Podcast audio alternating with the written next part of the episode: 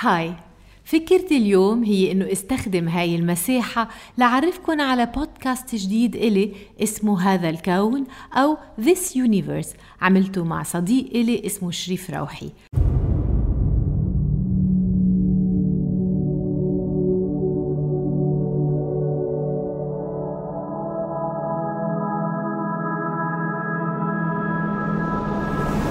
بقامتها الرشيقة وبردائها الأحمر وبمفتاح الحياة بإيدها كانت سبتت تعلن للمصريين الأوائل بداية العام الجديد اللي بيجي مع فيضان النيل.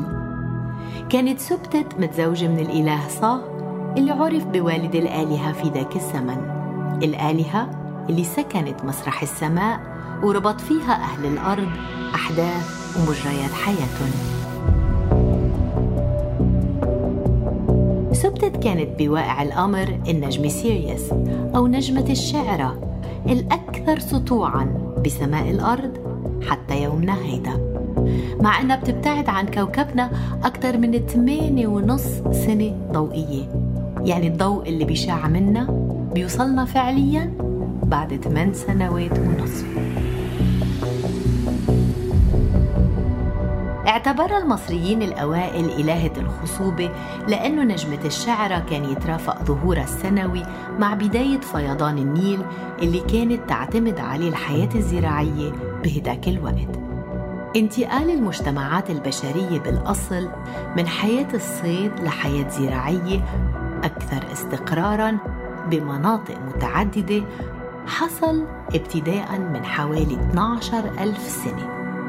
ويعتقد أنه ترافق مع الدفء اللي غلف الأرض بنهاية العصر الجليدي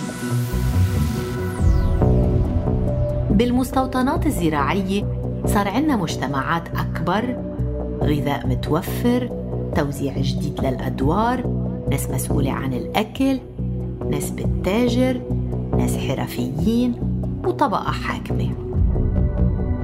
وبما أنه المواسم الزراعية اعتمدت على أحوال الطقس وتتابع الفصول وبظل غياب أي فهم حقيقي لطبيعة الأرض الدائرية أو حقيقة دوران حول الشمس لتفسير الظواهر الطبيعية لجأ الإنسان الفضولي للسماء بحثا عن إجابات.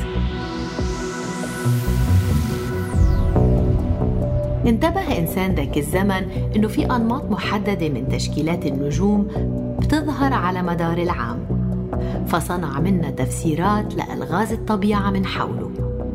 ومن هون مثلا كانت الأهمية القصوى لبطلتنا سبتت أو النجمة سايرس اللي صارت إلهة الخصوبة اللي لازم تقدس لأنها بتجيب معها كل عام موسم الفيضان ومن بعده الحصاد.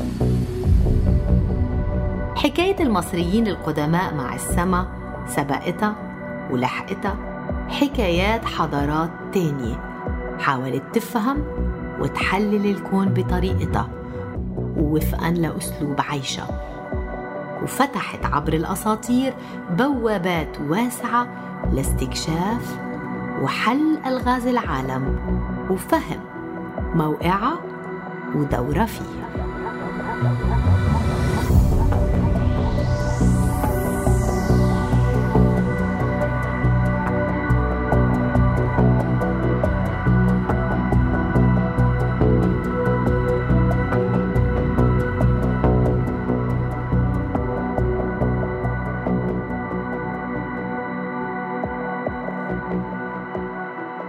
إذا عجبكم البودكاست وحابين تسمعوا الحلقات التالية منه فتشوا على هذا الكون This Universe على منصتكم المفضلة واعملوا سبسكرايب